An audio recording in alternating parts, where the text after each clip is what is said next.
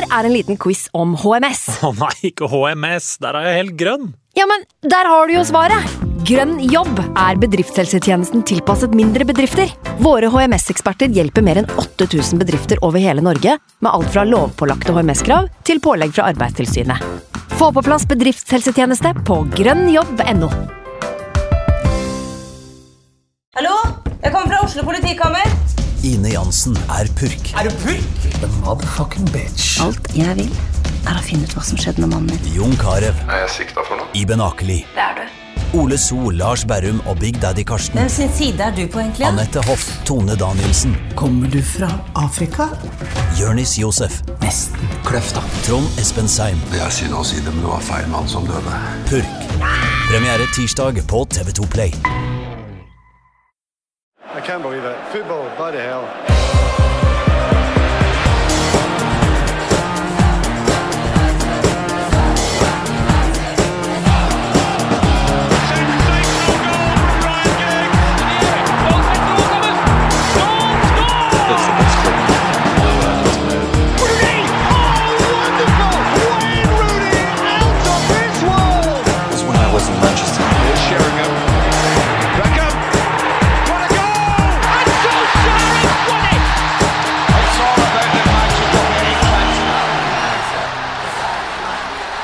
Ai, ai, ai, ai, ai, ai.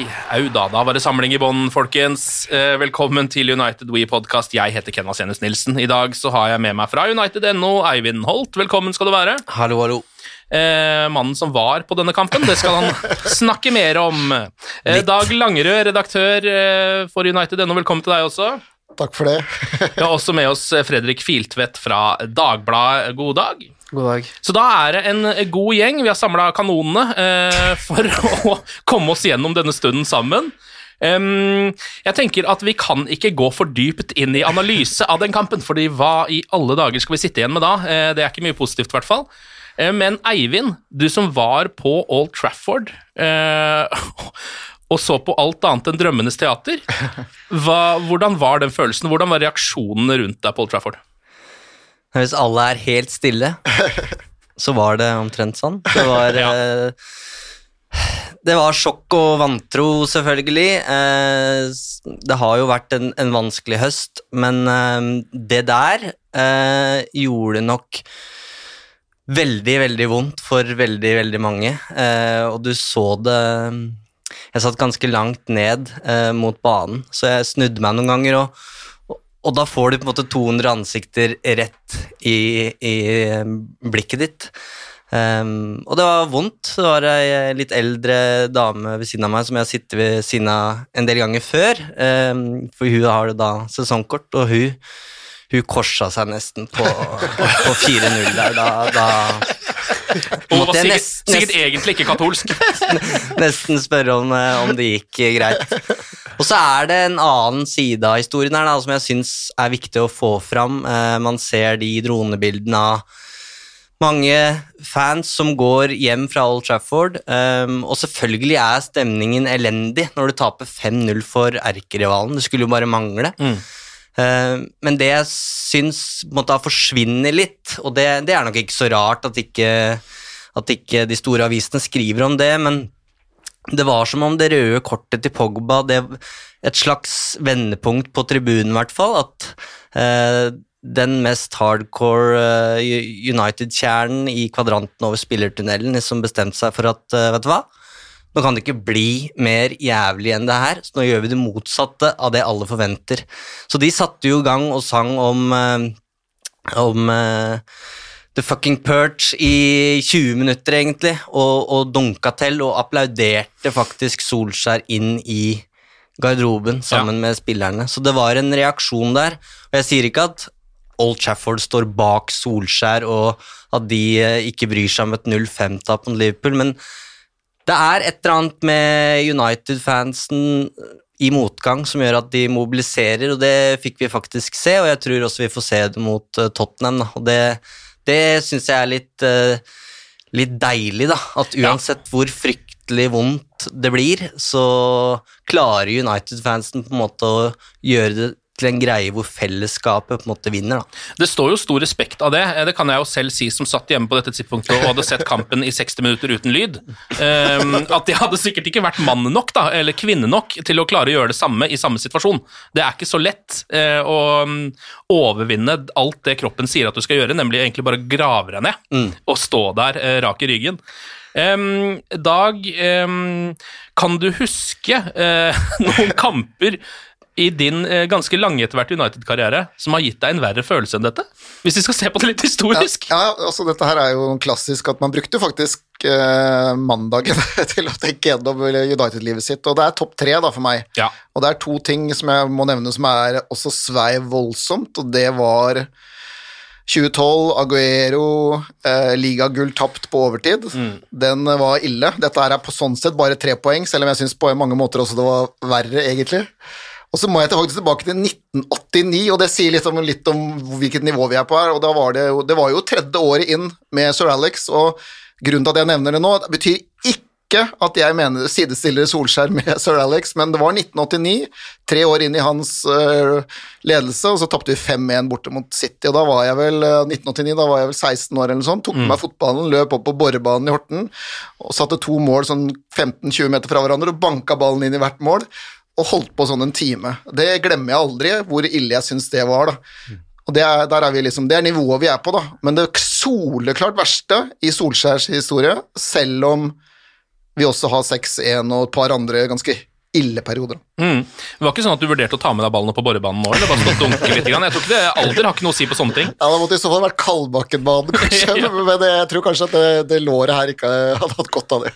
Uh, Fredrik uh, Filtvedt, hvordan uh, har det vært å liksom på en måte som eh, journalist eh, å jobbe med dette her? Jeg har heldigvis vært ganske fritatt fra de arbeidsoppgavene denne uka her. Ja. Eh, Jobba med mye viralvideoer og sånne ting. Eh, slipper billig unna, egentlig. Men, Men, eh, for da, man, man merker jo at, eh, og det kan jo du sikkert også skrive under på, at når sånne ting som dette skjer, da lukter pressen blod.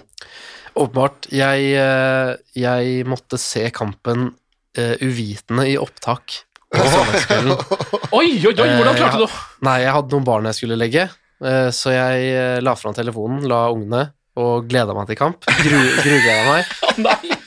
Eh, Men aktiviteten da, på telefonen i de to timene hvor kampen eh, pågikk, eh, så skjønte jeg at her har det skjedd et eller annet helt sjukt. Hadde jeg bodd i nabolaget ditt, så hadde jeg faktisk tusla bort og ringt på og sagt Fredrik, altså, Ja. vi må skåne deg her. Jeg fikk eh, så En kollega ringte meg. Eh, en av sjefene på TV-desken eh, sendte meg en melding og skrev eh, Har du tips til noen United-folk vi kan prate med nå? Å nei. Jeg tenkte bare enten har de vunnet 10-0, eller så har de tapt 10-0. eh, det var bare halvparten, heldigvis. Men eh, jeg, jeg skjønte at her har det skjedd et eller annet Og du trodde vel egentlig ikke at det var, vi hadde vunnet 10-0? Nei, jeg, trodde ikke det.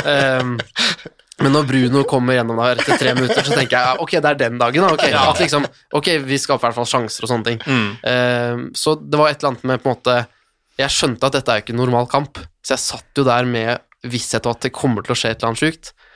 Og så på 3-0 tenkte jeg kanskje blir et vilt 5-3-comeback i andre omgang, à la White Hart Lane. Du sitter og holder deg i halmstrå Ja, ja, ikke sant? Og så kommer 4-0 på overtid der. Da skjønner jeg at ok, hvor stygt skal dette faktisk bli?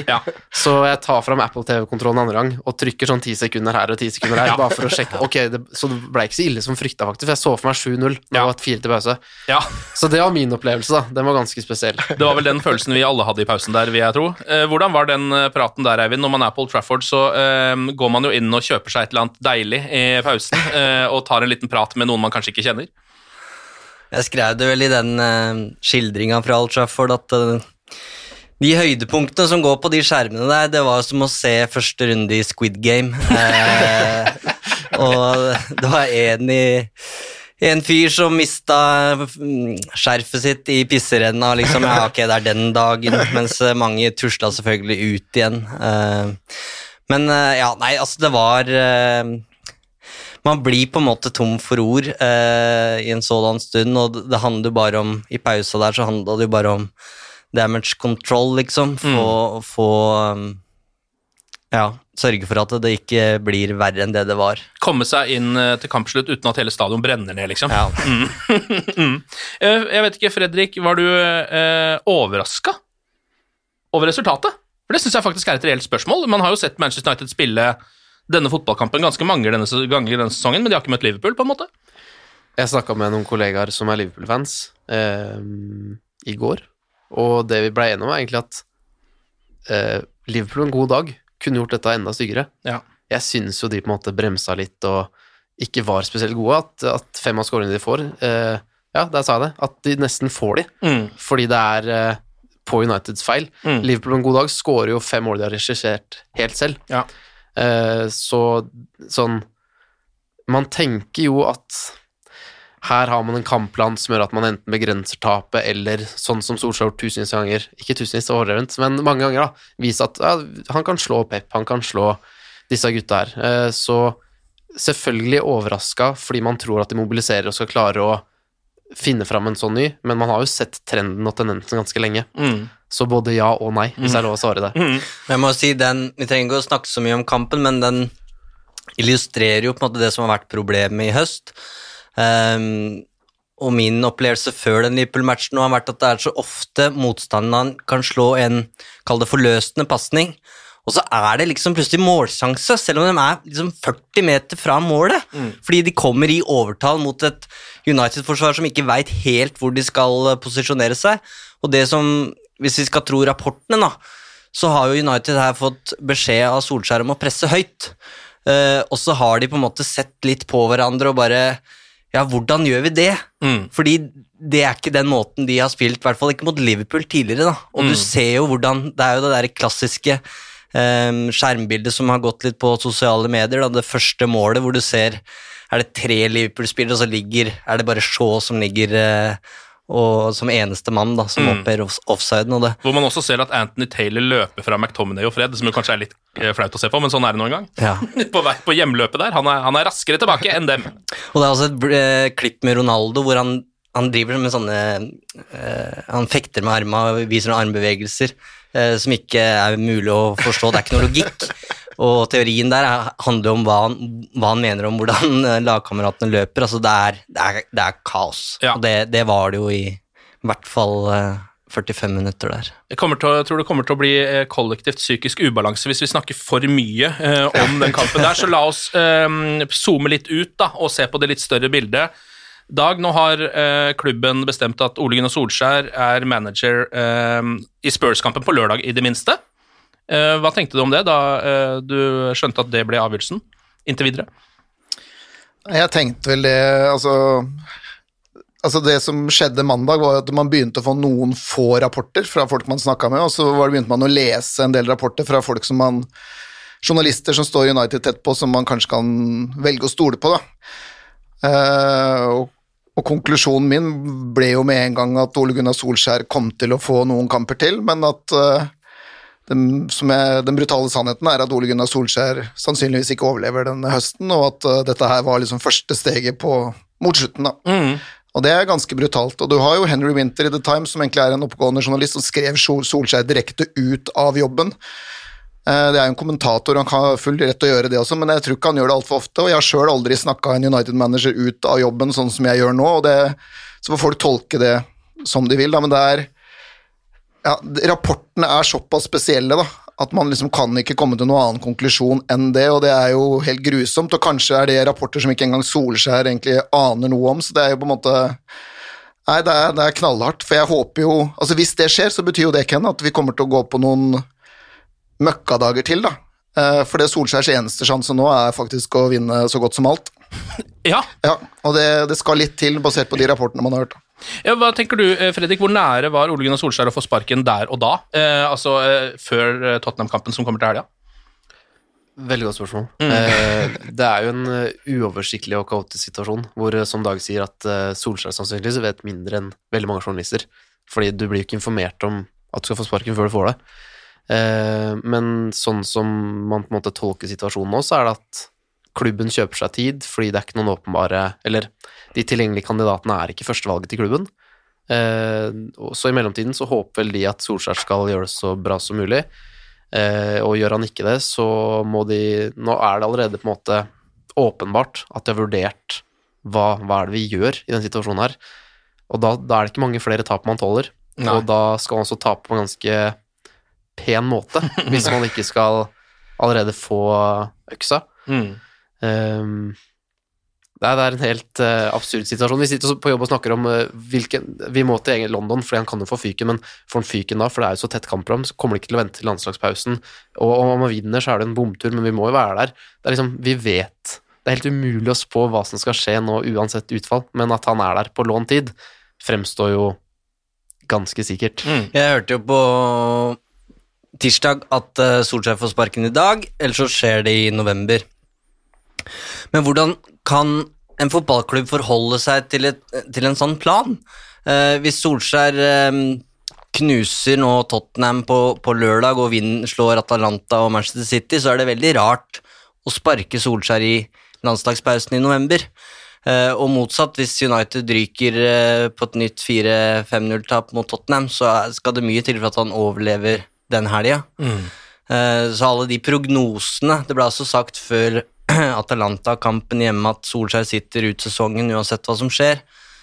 Men det er jo ikke sånn det funker, fordi signaleffekten av et 0-5-tap og alle andre resultater er så sterk. Ehm, så det er umulig rett og slett å vite, og det er da vi må på måte bare erkjenne at nå er, nå er det fra kamp til kamp. Men Solskjær visste jo selv at han kom til å bli United-manager mange uker før han ble det. Eh, Og Den gangen så venta de jo på riktig timing, Eh, og de vant jo noen kamper i løpet av de ukene også, før de da til slutt tapte mot Liverpool.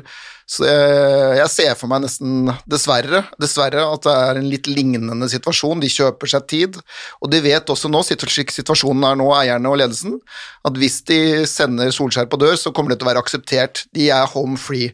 Man kan godt diskutere det der med at de ga en ny kontrakt for tre måneder siden vi leda serien for én måned siden, og så sparker de han nå. og jeg, kan, jeg kunne brukt en halvtime eller time eller en dag på å snakke om ledelsen der, da.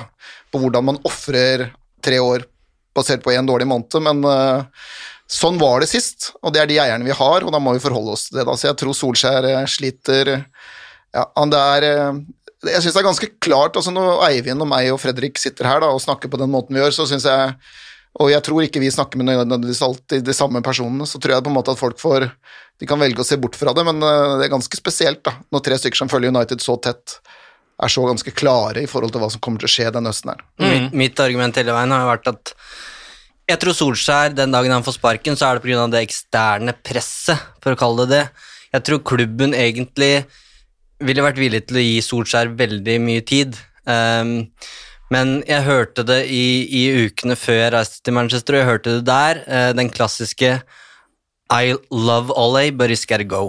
Eh, det er ikke noe valg. Altså, eh, at supporterne alltid vil ha det gode forholdet til Solskjær, det er ikke noe tvil om, men det er på en måte en erkjennelse av at eh, det er hit, men ikke lenger. Mm. Eh, og sånn som vi var inne på her, sånn, sånn var det litt med, med Mourinho også.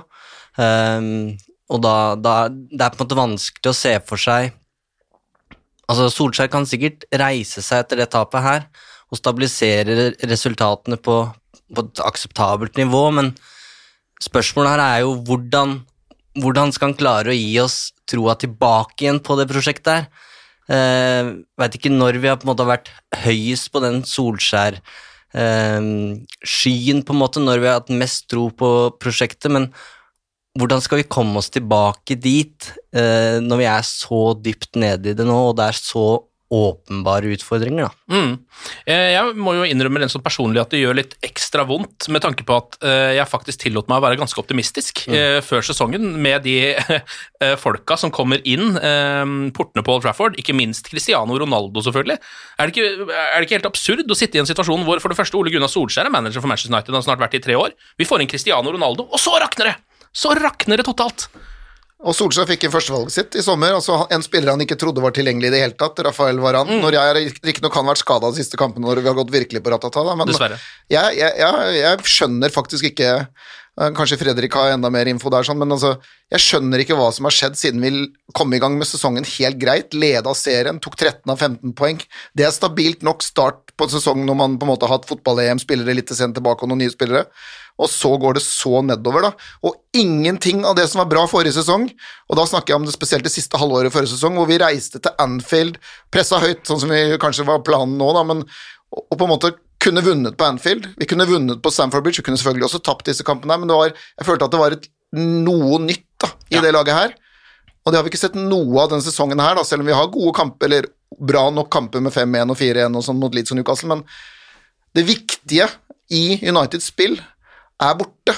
Og det er jo et kjempeproblem etter to og et halvt til tre år, og som Øyvind Eide sier i vår sånne analyser på United.no, altså ene gangen så kan han skrive om Se her, her løp de jo i bakrom og mot ball og ga mange alternativer, og så kommer neste kamp, og så er det ingen som gjør noe av det samme, og det er jo det hovedproblemet. Når Liverpool og City holder på som de gjør, altså vi, det er jo faktisk sånn at hvis du hadde stilt oss tre spørs, eh, spørsmålet hvordan hva er egentlig Uniteds stil, da, så vil vi sitte og døle litt og begynne å snakke om sånne, sånne rare ting. Ja. Og der har vi, da, liksom da vi har tapt, da, over tre år. Du har tre år på å implementere det. Eh, ja, Øyvind Eide skrev også en eh, melding til meg, han som eh, analyserer matcher for United ennå, og er noen ganger innom her også, etter kampen, og sa alle de tingene vi snakket om før kampen, det hadde de ikke snakka om på Carrington. og det er jo utrolig urovekkende, rett og slett. Eh, at vi skal ha en, en mann som jeg har på telefonlista mi, som har tenkt på ting som de ikke har snakka om på Carrington, da begynner det å bli vrient, syns jeg. Eh, men jeg vet ikke, hva tenker du, Fredrik, om hvor fort dette korthuset, som ikke så ut som et korthus, men nesten som et stabilt bygg lagd av sement og eh, blokker, da sesongen begynte, plutselig har ramle sammen? Ja, altså, da overgangsvinduet stengte, og man så hvilket mannskap Solskjær omsider hadde på en måte fått plass, nå, var, nå er mannskapet så bra at det finnes ingen unnskyldninger lenger. Det, da er det på en måte eh, Worst case scenario jeg lagde i hodet mitt, var at eh, får han ikke dette fort opp å gå, eh, så er han ferdig til jul. Mm. Eh, kona mi er veldig glad i jul og begynner å spille julemusikk veldig veldig tidlig. Så du Hun har ikke begynt ennå, ikke sant? Så dette skjedde jo mye tidligere enn det man egentlig kunne se for seg. Ja. Ehm, som Dag sier, det som var bra i fjor, funker ikke i år. Eh, vi har mast lenge om at vi må se mønster og utvikling på banen alt der. Eh, det er ingenting som fungerer. Ingenting. Um, så enten måtte på en måte Solskjær vise at nå har jeg laget mitt, og jeg er riktig mann til å ta opp kampen med City og Liverpool, uh, og nå er eh, hele det trenerteamet i ferd med å vise det motsatte, dessverre. Mm.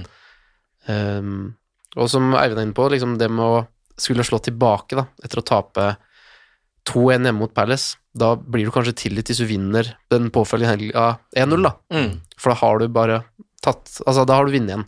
Men å, å slå tilbake etter et 5-0-tap hjemme mot Liverpool, det er nesten klin umulig.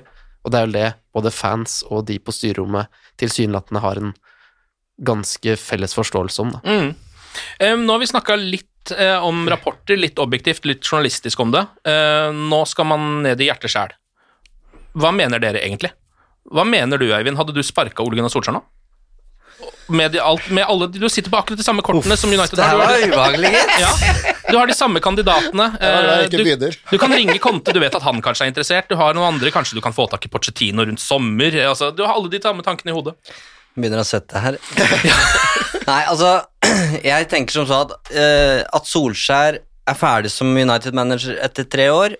Fair enough. Um, de skulle vært nærmere etter tre år, som vi har snakka om her nå, og med det laget her så, så må det se bedre ut, og det er åpenbare utfordringer her. Eh, alt fra press til defensiv trygghet til midtbanekonstellasjoner og, og hvordan eh, man skal få Ronaldo til å fungere i et lag som også skal presse osv. Um, og, og med tanke på liksom hvordan de siste ukene, hvordan stemninga i, i United har, eller altså i Manchester blant, blant fansen har snudd seg til at nå, nå, er det, nå er den sannsynligvis over, så er det, syns jeg det kan rettferdiggjøres, da, for å være ærlig. Men problemet mitt oppi alt det her er eh, de alternativene det snakkes om. Um, for alle de alternativene i mitt hode innebærer at vi må starte helt på nytt igjen. Mm. Um, det blir en sånn fullstendig reset i mitt hode av cultural reboot, uh, som vi kan snakke masse om, men kort fortalt så har jo Solskjær på en måte gjort Manchester United til i hvert fall nærmere det Manchester United skal være igjen, da. Uh, han snakker om det der DNA-et, og og det føles litt sånn eh, Hva skal jeg si Hovent å, å snakke om det på, sånn, på den måten, men vi kjenner jo det som supportere at åh, det har vært deilig, og man kjenner igjen klubben sin igjen Mm. etter noen år med, med identitetskrise. Eh, og nå, En ting er liksom Jeg kan si hva jeg mener om Antonio Conte, eh, og, og det er en ting på en måte hvem han er som manager, men at hvis han vurderes opp mot Zinedine Zinedine Zidane, som er en helt annen manager, eh, og Erik Den Haag og Brendan Rodgers også er i den potten, eh, da virker det som, for meg som at de på en måte bare Ok, cultural reboot, fail. Vi trekker et lodd, og så får vi se hvilket spor vi ender på nå. Og da blir det jo litt som på Stamford Bridge, da. Da blir det på en måte to-treårsperiode framover med ny epoke, ny epoke, og dette er jo helt subjektivt. Men for meg, jeg liker kontinuitet, da. Det tror jeg handler om at vi hadde Ferguson i 26 år. Jeg vil ha et langtidsprosjekt eh, som jeg kan tro på, og det, det ville også majoriteten etter Mourinho. Det var et langtidsprosjekt de skulle ha.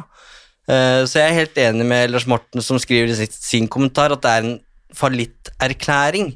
Eh, Og ikke nødvendigvis at de sparker Solskjær, men hvis de på en måte ikke nå tar vare på den jobben som er gjort der i tre år, og skal ta vare på den kulturen som er der nå, og videreutvikler det, så kaster de alt ut vinduet, og så må vi på en måte Da er vi tre år tilbake igjen, da.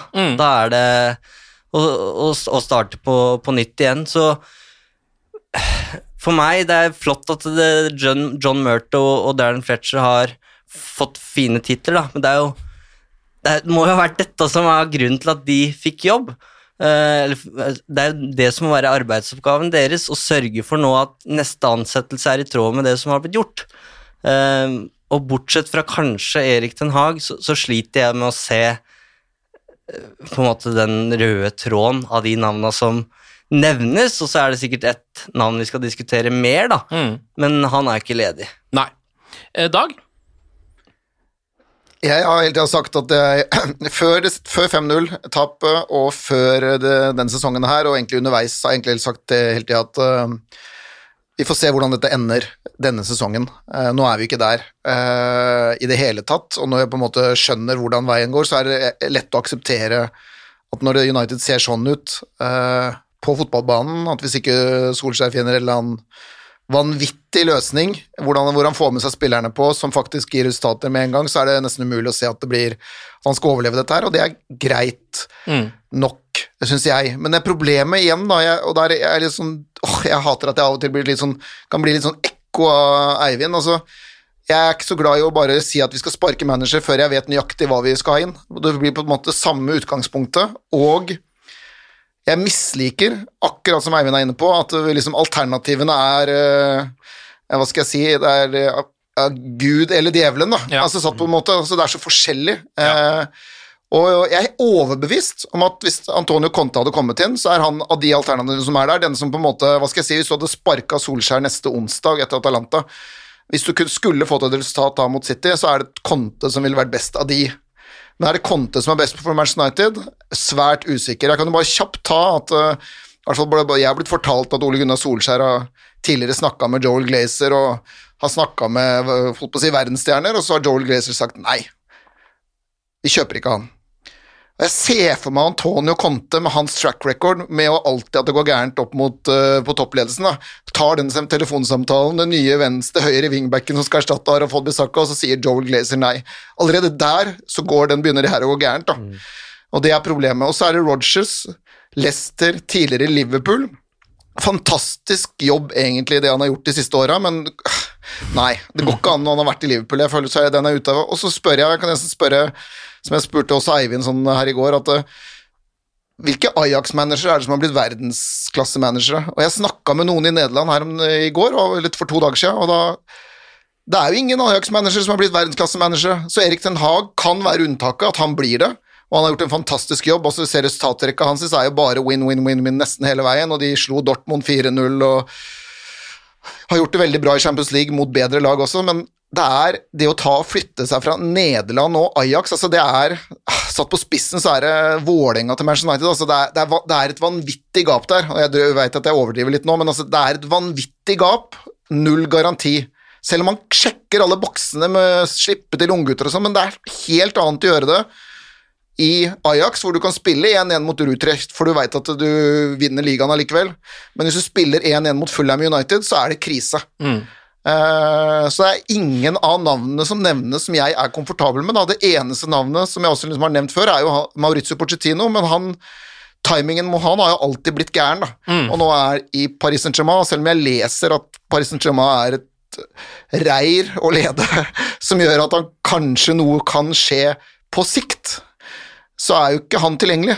Nei. Og han blir antageligvis aldri tilgjengelig, og det som ødela for Pochettino, er jo egentlig bare Solskjærs fantastiske start i United, for ellers så hadde han jo kanskje vært United-baders allerede den, etter den Champions League-finalen. Eh, og der satt vi jo også, og det var jo noe vi satt og spekulerte litt i også da det skjedde. Eh, om det kunne på sikt vise seg å eh, være noe som kanskje ikke burde ha skjedd. Eh, fordi der hadde man jo da den manageren man egentlig på en måte litt hadde sikta seg mot, da. Maurizio Pochettino. Eh, men så fortsatte man da med han som var interim og til slutt ble fast over lengre perioder, for han gjorde det såpass bra. Ja, og så bare helt til slutt, du kan jo ikke, det som er problemet mitt da, jeg er ikke overbevist av alternativene. Og så hvis du da kvitter deg med Solskjær, så syns jeg det blir helt feil å sette Darren Fletcher til å lede dette her midlertidig, det høres heller ikke som noen god løsning. Så jeg syns liksom alt, hvis det skal skje noe i høst, høres ut som en halvdårlig løsning, da. Og da tenker jeg ikke på at Conte ikke kan gjøre det bra nå, men jeg tenker på United som klubb litt lenger fram i tid, altså. Mm. Fredrik? Ehm, Så skal du repetere akkurat samme. Nei, jeg skal holde meg eh, Ja- og nei-spørsmål pleier jo å gå litt fortere enn eh, dette. Ja. Um, Men det er umulig å ikke Man kan ikke bare si ja eller nei til dette, for det er så mye Det er så mange ting som spiller inn her. Uh, Rent personlig så er det sånn Solskjær for min del er årsaken til at jeg i det hele tatt begynte å spille fotball, så på fotball, ble United-fan. Um, rent journalistisk, hvordan han uh, Hvor imøtekommende og ålreit og fin han er. Uh, så det er så mange sorger forbundet med dette også. Mm. Ehm, hadde han vært svensk, og jeg hadde vært United-fan, så hadde jeg tenkt for lenge siden at den kanskje burde gått. Mm. Uh, og så er det ikke så enkelt eller svart-hvitt som det.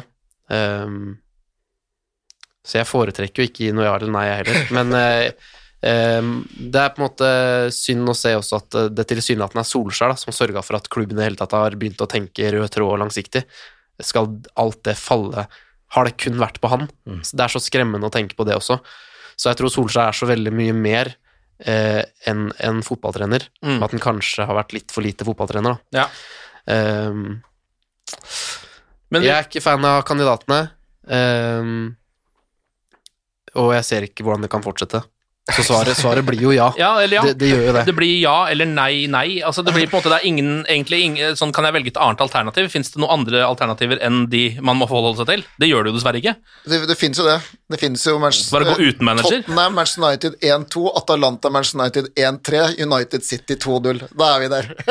Da, er vi i hvert fall, da begynner du i hvert fall å snakke om et eller annet, ja. Hva tenker du, Ken?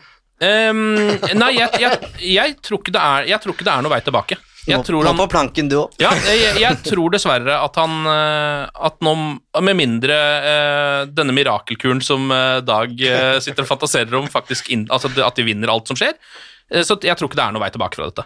Og da viser det seg vel ofte at det er jo før jo heller. Altså Jeg syns vi kunne godt ha kvitta oss med Mourinho litt grann før også, fordi de månedene hvor han bare var der og lagde og surna det til, fikk vi ikke noe ut av, eh, sånn på sikt, da. Det er derfor jeg, jeg er også veldig usikker. Jeg tenker vi, kan jo, vi må gå litt sånn ordentlig gjennom alle disse kandidatene også, um, som vi har vært nevnt litt nå. Vi har altså Antonio Conte, eh, som er odds-favoritten, har jeg skjønt, til å ta over dette, fordi han har visst, visst så vidt jeg vet, eh, vist en slags interesse for Manchester United. Stemmer det, Fredrik? Jeg vet ikke om du har noen peiling? Ja, jeg føler PR-teamet hans er på jobb. Ja, altså, Ja, PR-teamet hans er alltid gode. De er veldig gode. Jeg tror han er veldig gira på det, ja. Han er gira på det. Eh, det. Han er jo en slags eh, hva skal man si, nesten som en sånn leiesoldat av en manager. Litt sånn The Zlatan of managers, eh, som drar til en klubb. Han har vært i eh, Juve, eh, som jo er på en måte hans klubb. Da. Han har vært i Inter, han har vært i Chelsea, han har trent i Italia, og han har vunnet ting overalt. Egentlig, sånn kort fortalt. Og så etter to eller tre år eh, så surner det ordentlig hardt, eh, og da må han rett ut igjen. Da må han kvitte seg med alle wingbackene som han har kjøpt inn, for han har alltid henta noen av de. Han elsker jo å spille med wingbacker og tre bak.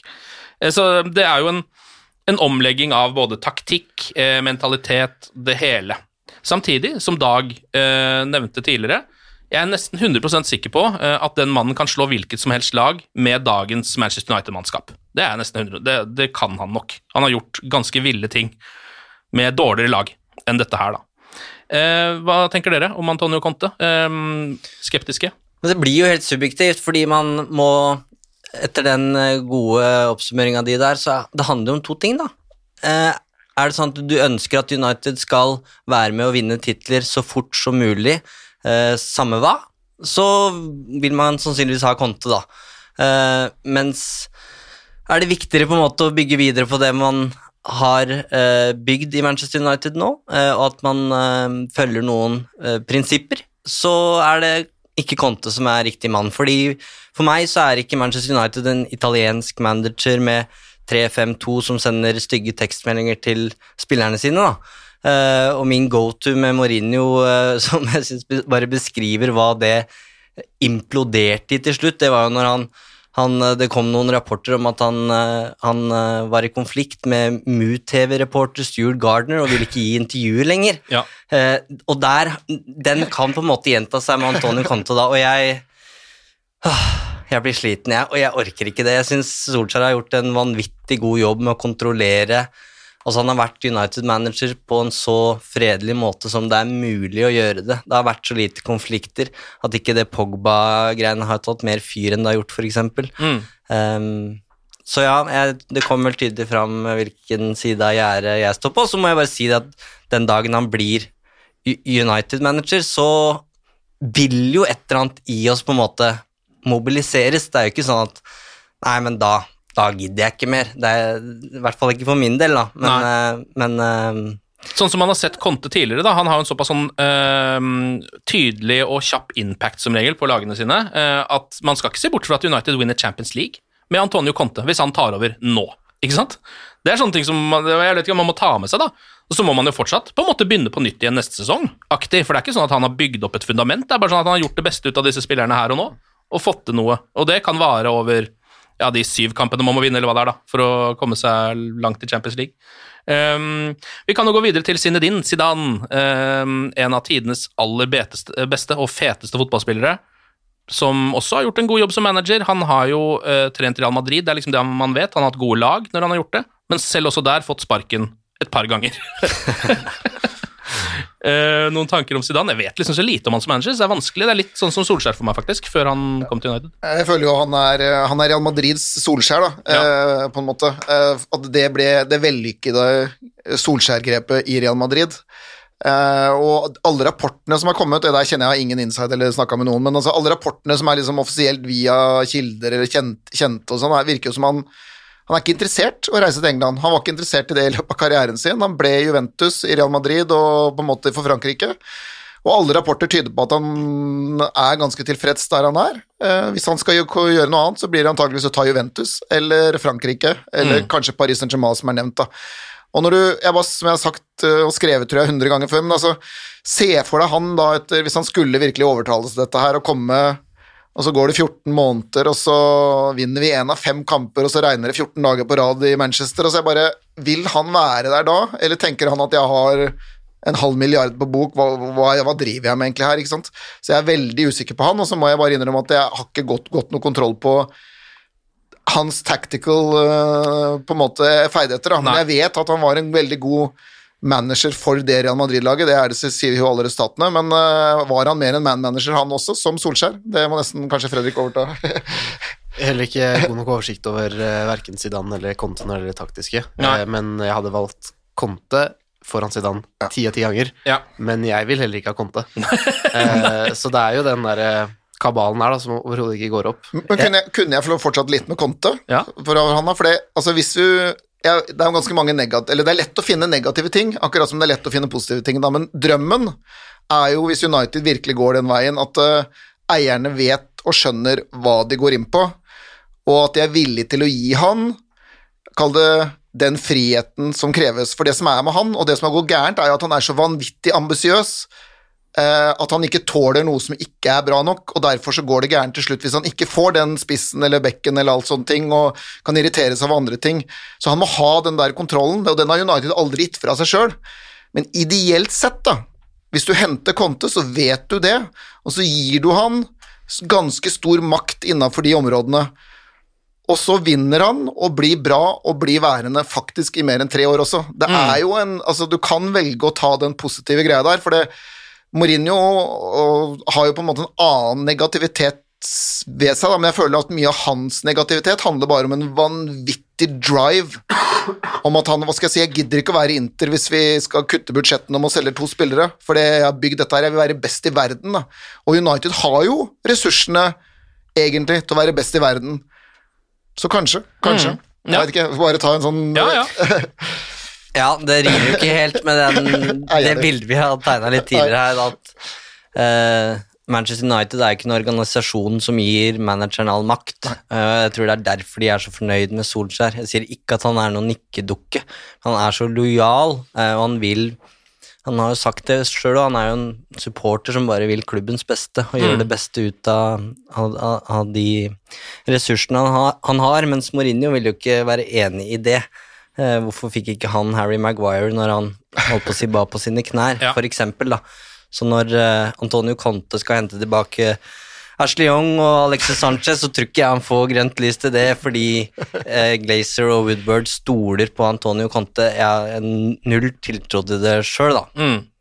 Eh, Brendan Rodgers, en mann vi vet mye om. Han har vært Liverpool-manager, han har gjort det bra med Leicester. Han har jo en ganske sånn klar fotballfilosofi, eh, føler jeg. Eh, Visstnok litt sånn David Brent fra The Office i garderoben, men det får man jo bare takle. Eh, her er det vel på en måte Altså sånn eh, Han er, er jo på en slags måte egentlig en perfekt kandidat, da. Eh, fordi han har vært lenge i Premier League. Eh, han har uh, gjort det bra med en mindre klubb, og er på en måte opprykket er liksom, Det er på tide at han får det opprykket. Men han er jo eh, en man forbinder med Liverpool. Så det er vel aberet der. Eh, I tillegg til at han ikke har vist noe på den store, liksom, på det virkelig store, har ikke vunnet veldig mye, da. Han har vel vunnet det samme som Solskjær har, på en måte. Han vant vel med Celtic, var det ikke det? Eh, Og så Solskjær vant med Molde, og det er vel sånn cirka samme nivå.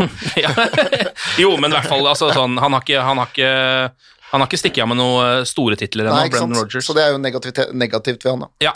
Han står for veldig mye jeg liker når det kommer til prestasjoner og lagbygging og signeringer og sånne ting. Eh, og så er jeg likevel skeptisk. Eh, nå har han hatt mange år på å utvikle seg siden han fikk fyken i Liverpool, men i Liverpool var det også hit, men ikke lenger.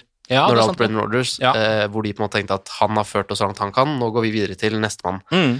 Eh, og da syns jeg det blir litt, eh, liksom, litt merkelig om United skal slå seg til ro med det som ikke var godt nok for laget de prøver å ta igjen. Eh, derfor er jeg skeptisk. Ja, altså, slår meg som en sånn som trives i den underdog-rollen, og det tror jeg også um, Altså, han eh, har jo eh, tatt Leicester til to femteplasser, og det er jo vanvittig sterkt, eh, men det hører jo også med til historien at de har snubla på målstreken begge gangene, Ja.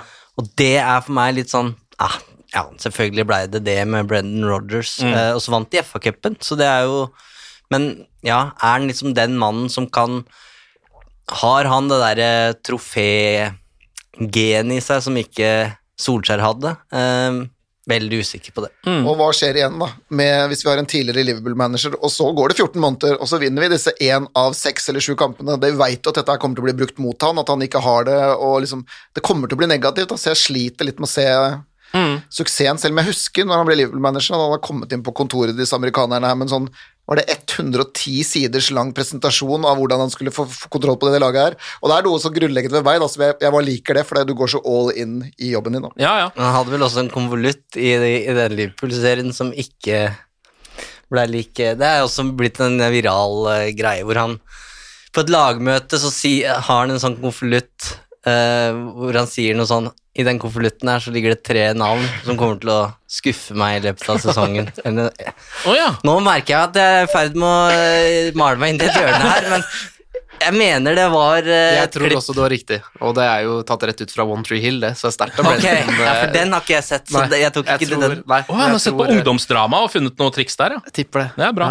Eh, Erik Ten Hag eh, er en av kandidatene. Ajax-manager som jo eh, har gjort det fryktelig bra der, eh, i et lag som jo har en veldig sånn sterk tradisjon og spiller det samme spillet eh, generasjon etter generasjon etter generasjon, som han har da selv vokst opp med, og som han kan til fingerspissene. Eh, sånn er det ikke i Manchester United, der er det totalt annerledes. Så ja, jeg vet ikke. Han er jo liksom på en måte litt, hva skal man si, det litt sånn friske kortet oppi dette, da.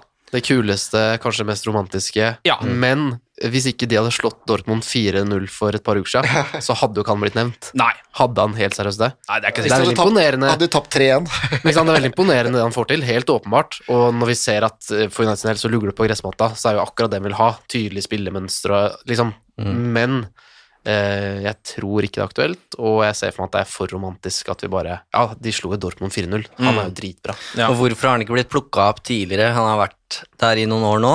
Eh, og eh, jeg syns jo han er det alternativet som hvis du skal på en måte sette opp eh, Ja, kall det den cultural reboot, da. De prinsippene, så er det Ten Hag i min bok som kan måte videreføre og minne litt om, om det. Mm. Uh, lyktes med å få fram unge spillere. Det er offensiv fotball. Så virker det for meg som han har det som Solskjær uh, har mangla, i hvert fall i høst. Da, den derre taktiske grunnlaget. altså Det virker som han er ganske solid taktisk. sånn Laget vil alltid vil aldri bli avslørt på samme måte som mot Liverpool. da, Mm. Fordi han har uh, noe å falle tilbake på, rett og slett. og jeg føler United må på en måte prøve å finne den derre Det høres så teit men den nye Klopp eller den nye Tuchel, ikke sant, og, og Liverpool traff jo på en måte så vanvittig bra med Klopp der, da. Han var i akkurat riktig stadium av karrieren eh, til å ta over det Liverpool-laget, eh, og Og han var ledig. og ja, han var ledig, ikke sant? Så, og, og spørsmålet er liksom om herr Ten Hag der, eh, sånn som når vi snakker sammen nå, så høres det jo ut på oss hvert som det kanskje er litt for tidlig, da, at vi ikke har nok beviser, og det, det vil jo regnes som et sjansespill hvis vi henter han. Og skal jeg legge inn et lite perspektiv, for, for Hvis vi hadde hatt den samme samtalen for ett år siden, og det kan godt hende vi hadde, for det gikk jo litt dårlig underveis da også, men så hadde det vært et annet navn som var nevnt, og han heter Julian Nagelsmann. Og Han gikk til Bayern München, og de leder vel serien der sånn, men senest i går så tapte han 5-0 med toppalag mot Borussia München-Gladbach i Tyskland. Ja. Og det er perspektivet som sier litt om Han ble sett nesten som det neste store, og mange nevnte han som kunne vært den perfekte erstatteren for Solskjær, men det å gå til en annen klubb, som er til og med mye bedre, men på, det er noe helt annet, da. Mm. Så det er, liksom, det er det som er problemet her, det er ingen garantier, og det er derfor jeg på en måte på en eller annen måte anerkjent at jeg må på en måte prøve å, kanskje å forberede meg litt på Antonio Conte, fordi det er litt usikkerhet med de andre tingene, og at United er villig til å gå den der veien hvor de Vet du hva, vi får gjøre det beste ut av det her, og så får vi eventuelt bytte igjen om to-tre år, selv om det krasjer med det Eivind og Fredrik er inne på, det der med hva vi egentlig har gjort. Mm. Så, men det er de eierne vi har. Eierne vi har, har ikke glem det, da. De, valgte, de gikk fra Ferguson til Moyes, det var jo nesten det samme. Så ble det Moyes til van Gaal, til Mourinho, til Solskjær, og hvis det blir Conte, da Det eneste som er liksom stabilt med det, er jo at det er ingen rød tråd. Det er jo egentlig det. Det er helt riktig. det er helt riktig. Blå tråd. Så har vi jo da eh, sistemann, som jo vel egentlig ikke er på blokka, men som vi gjerne skulle ønske var der, Mauricio Pochettino. Eh, han eh, tikker vel de fleste boksene, på en måte, vil jeg tro, eh, for folk som eh, både vil se offensiv eh, fotball, og vi har en god manager som har rutine fra Premier League. Eh, men han er PSG-manager. Eh, man vet ikke hvordan det går. Han er jo ikke ledig, i hvert fall ikke før Ja, hvem vet. Så ja, det er litt sånn, jeg bare ser for meg hvordan skal man planlegge det, liksom planlegge rundt det som klubb. Det går, det går jo på en måte ikke, så da kan man heller ikke satse på han. I hvert fall ikke i denne situasjonen akkurat nå. Eh, så det vil jeg nesten bare liksom avskrive, at det blir Maurizio Pochettino i denne omgang. Det lukter jo veldig italiensk her. Det gjør jo det. Det gjør jo det. Gjør jo det. Og det triste for min del er jo nettopp det vi snakker om, at eh, nå så det som klubben var i ferd med å ta en retning med langsiktighet og godt, god planlegging, og så eh, skal Conte da, hvis det blir han, ta over en tropp som ikke matcher hans filosofi i det hele tatt. Mm. Jaden Sancho spiller ikke wingback, altså. Det, det er liksom Det er ikke sikkert Mason Greenwood og Marcus Rashford får spille i det hele tatt engang, for han sånn- liker jo å spille med noen 30-åringer. Det går ikke opp, det der, det der, der, og det kjenner jeg at jeg ikke orker. Så Og det, det der Pochettino-greiene kan jo bli stående igjen i historien som det derre Hva skal jeg si, manageren som var på en måte eh, selvskreven for Drømmenes teater, men uh, timinga blei på en måte feil hver eneste gang. Da han var ledig, så, så var det på en måte ikke aktuelt for Manchester United å gjøre et bytte. Og nå skal de kanskje bytte, og da, da er han plutselig i PSG. Og så er det mange som trekker fram hvorfor, hvorfor i alle dager er Pochettino det åpenbare valget. Ja. Eh, han har jo ikke vunnet altså vi, vi så jo hva han gjorde i Tottenham, men de vant jo ingenting, og det er jo nettopp derfor Solskjær står i fare for å få sparken, fordi han han har blitt en Pochettino. Han vant jo ikke engang serien eh, i Frankrike forrige sesong. Så det er jo veldig så han jo- veldig Han, han vant ligacupen. Ja, det gjorde det sikkert. Ja. Men det er jo, han har jo på en måte kontroll på en, en del ting som vi savner litt her. Da. Det, det vi har snakka mye om i høst, føler jeg er det presspillet til Manchester United. Og der var jo Pochettino en av de første i eh, Premier League med Southampton som innførte og lyktes med det. Mm. Eh, og det er igjen, som jeg var inne på i stad, han har den derre taktiske pondusen da, som jeg tror du trenger som United-manager. Han har eh, vært i en garderobe med Harry Kane og, og andre, etter hvert Messi og Neymar og Mbappe. Så han har det, det er, Jeg sier ikke at det er en perfect fit, men av de vi har snakka om her nå, så, så syns jeg det er vanskelig å si at ikke han er det beste alternativet. Da. Men jeg tror liksom, det som er liksom problemet da, til Solskjær, er at hvis vi hadde tapt ikke 5-0 mot Liverpool, men hvis vi hadde tapt 4-2 mot Leicester, da, og sett en slags fotball som vi godtar, så kan vi, kunne det vært greit å tape 4-2 mot Leicester. Men det er jo ikke det vi ser i det hele tatt. Mens Porcettino for jeg husker jo faktisk jeg har en kompis, en av mine beste kompiser som er Southampton-fans, jeg husker den når han kom til Premier League i januar, var det 2013 eller 2014? Jeg tror de møtte United i andre eller tredje kampen i januar fortsatt. United vant 2-1. Men Ferguson sa etterpå at Southampton er det beste laget som har møtt oss på Old Trafford denne sesongen. her. Det tok én uke på treningsfeltet med Pochettino, så så Southampton helt annerledes ut. da. Og så gikk det gærent til Tottenham til slutt, men det var ganske mange år der hvor de tok steg, det som vi egentlig har snakka om positivt for Solskjær. og så handler det om typen. Og det er det som jeg gjør at det på en måte Conte, vi sitter her på en måte er litt sånn der, ah, på Conte, fordi United ønsker jo egentlig den sols, solskjærske roen. Den Pochettino jo, er jo en helt annen fyr enn Conte og Mourinho og alt sånne ting. Og derfor jeg ikke skjønner helt at det, er, det, er vi virkelig så desperate at vi er villige til å gå på akkord med det som på en måte virka å være viktig? Da? Så det er det som er så sprøtt her, selv om Tenk en måned fram, gutter. Da sitter vi her igjen. Ken, du inviterer oss etter Chelsea-kampen. Conte er manager. Eh, vi har vunnet. Conte har vært helt vill på sidelinja, jubla foran Tuchel. Vi kommer til å sitte og digge det litt. Rann. Ja, jeg, det, er det en ting jeg på en måte ikke er i tvil om, eh, er jo at eh, man får den Lampard-Tuchel-effekten når man eventuelt bytter en manager. Det er på en måte Mannskapet er for bra til ikke respondere Ja. bra på å få inn en taktisk eh, geni, eller et, et taktisk geni på sidelinja. Mm. Eh, Så det ser jeg veldig for meg, at det er den responsen, og at folk liksom vil slå i bordet om at ja, ja, han burde gått mye tidligere, han Solskjær, han fikk jo ikke til noen ting. Mm. Og så er det ikke så enkelt. Det er derfor vi bruker så himla lang tid på å svare ja eller nei på spørsmål Solskjær skal få. ja. Eh, så Men jo da, at, eh, at man etter hvert slår seg til ro med at eh, om det blir Conte, så er det kult og heftig, og han er helt gæren, og um, Man likte ikke Mourinho da han var i Chelsea, men man visste at hvis det hadde skjedd på Old Trafford, så hadde jeg elska det. Ja. Så det er jo noe med det. det er, men det er vanskelig å sitte her og si det nå, for det er så mye følelser involvert i dette.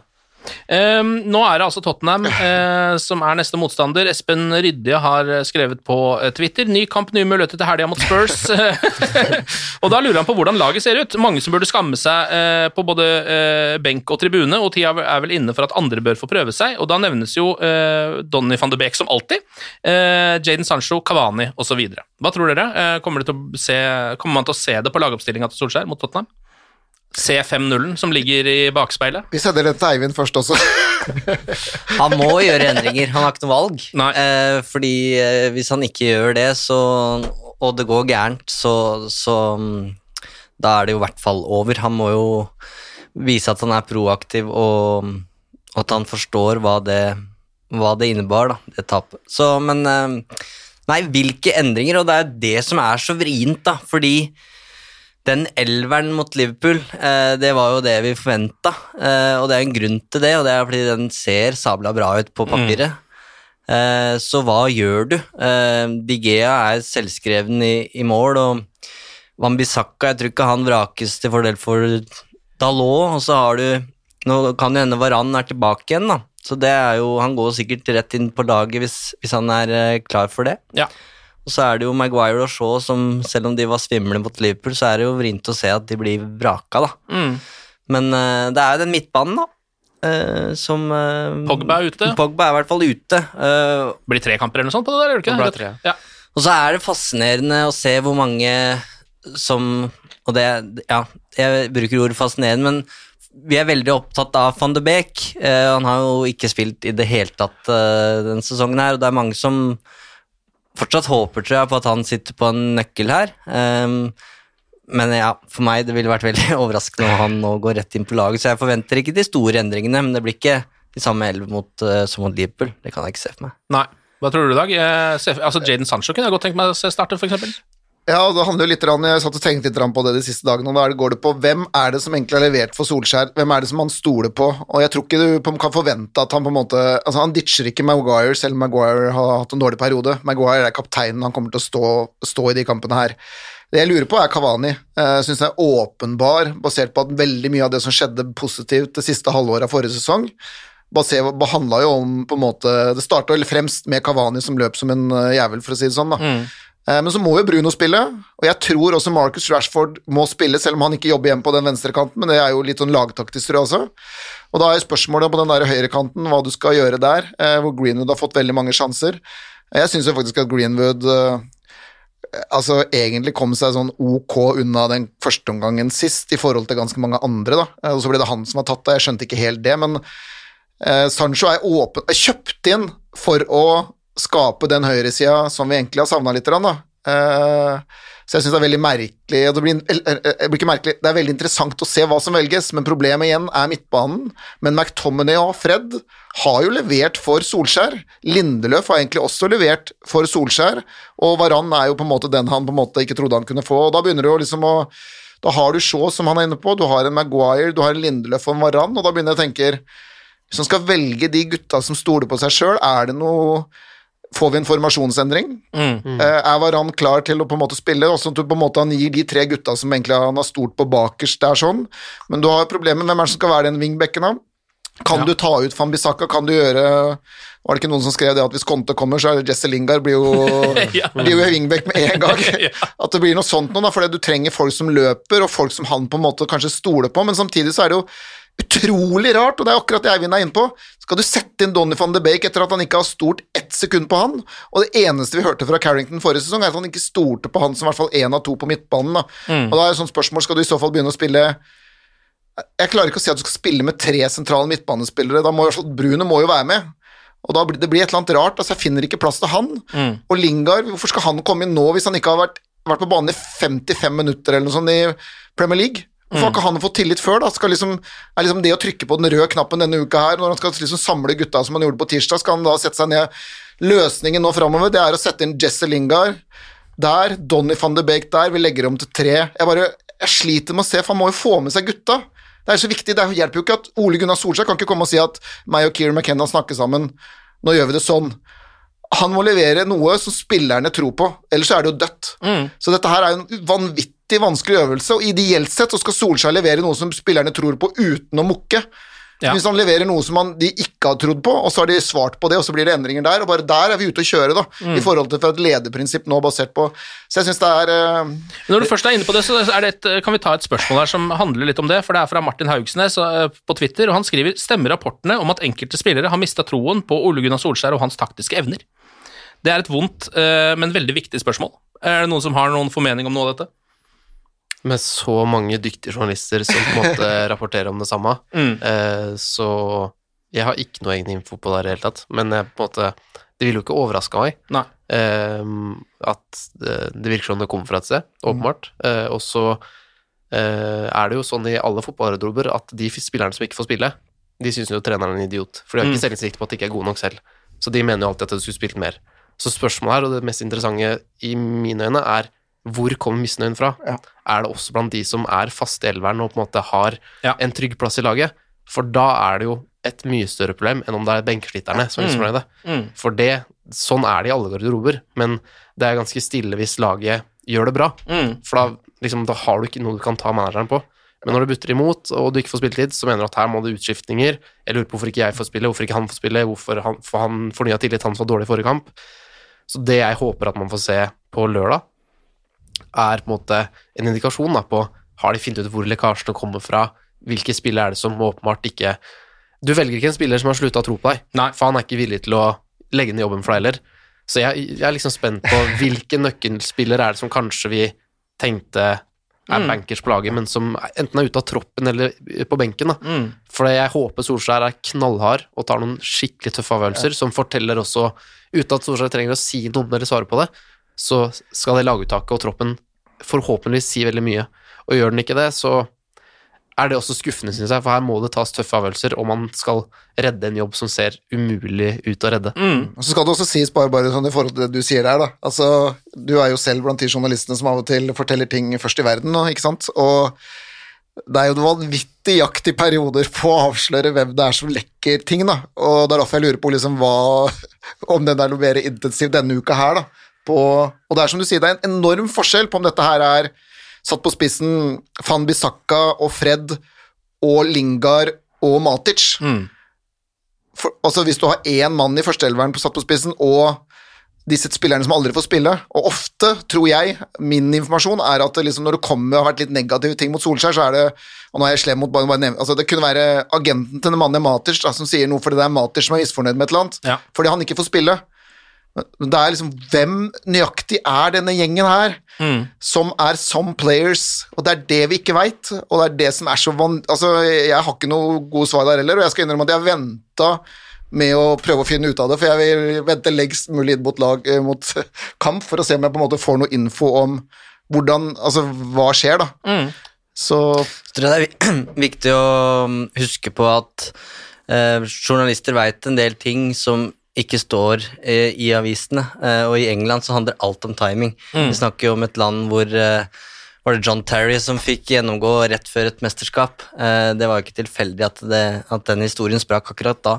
Eh, og sånn er det jo med, med manager òg. De får jo Informasjon kommer jo hele veien, eh, men den slippes jo ikke i det sekundet man får nødvendigvis. Eh, og når det nærmer seg slutten, da begynner det å lekke. Ja. Eh, fordi da veit journalistene at eh, nå gjør det ikke noe om jeg brenner noen bruer her, for han er ferdig. Mm. Så det betyr at selv om det nå kommer noen historier om at det er eh, misnøye, og jeg må jo si de rapportene som har vært, utrolig vage, da. Altså, det er misnøye på Carrington med Solskjærs taktiske egenskaper. Blant noen spillere. Det, det høres eh, veldig lite konkret ut i, i mine ører, da.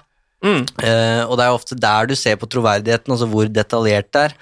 Um, og det er klart, når vi sitter her og lurer på hva de prøver på banen, så, så er det sikkert noen spørsmål i garderoben nå, men forhåpentligvis så har de bedre peiling. Og så er det også et poeng her at Paul Pogba slo tilbake på Twitter i går uh, og kalte um, en The Sun-artikkel for fake news, som handla om at han ikke hadde snakka med Solskjær etter Liverpool-kampen. og uh, det har også vært hva skal jeg si, omvendte rykter om at Cristiano Ronaldo har prøvd å samle garderoben.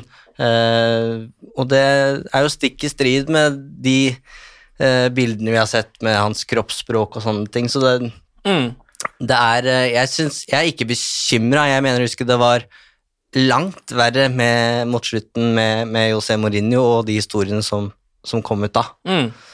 Eh, ok, vi får jo sannsynligvis noen svar, da, eh, forhåpentligvis, eh, mot Tottenham borte 18.30 på lørdag. De har jo hatt en ymse start, litt som Manchester United, de, på sesongen. Ligger ett poeng foran akkurat nå, på en sjetteplass. Tapte 1-0 sist borte mot Westham i forrige Premier League-match. Og, så jeg tenker jo det er egentlig en perfekt kamp for Manchester United nå. Det er et lag det går an å slå, som ikke er i kjempeform. Og det er samtidig en slags skalp, fordi det er Tottenham eh, som er bedre enn Watford, for eksempel. Så jeg vet ikke. ehm, det blir jo utrolig spennende. En skjebnekamp for Ole Gunnar Solskjær, eh, sannsynligvis. Ehm, og muligens også for den psykiske helsen til veldig mange Manchester United-supportere. Eh, gutter, tusen takk for en eh, time med samling i bånn. Vi satser på et bedre resultat enn forrige gang, når vi nå skal møte Spurs. Altså det er forrige gang, da mener jeg ikke forrige gang mot Spurs, for det var på så vidt jeg kan huske. Men forrige gang mot Liverpool. Ok. Tusen takk, alle sammen. Glory, glory.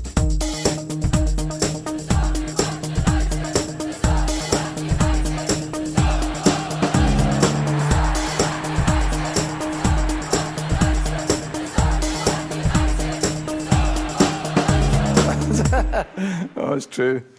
I've seen many things. Moderne media. Ukens annonsør det er matkasseleverandøren Hello Fresh.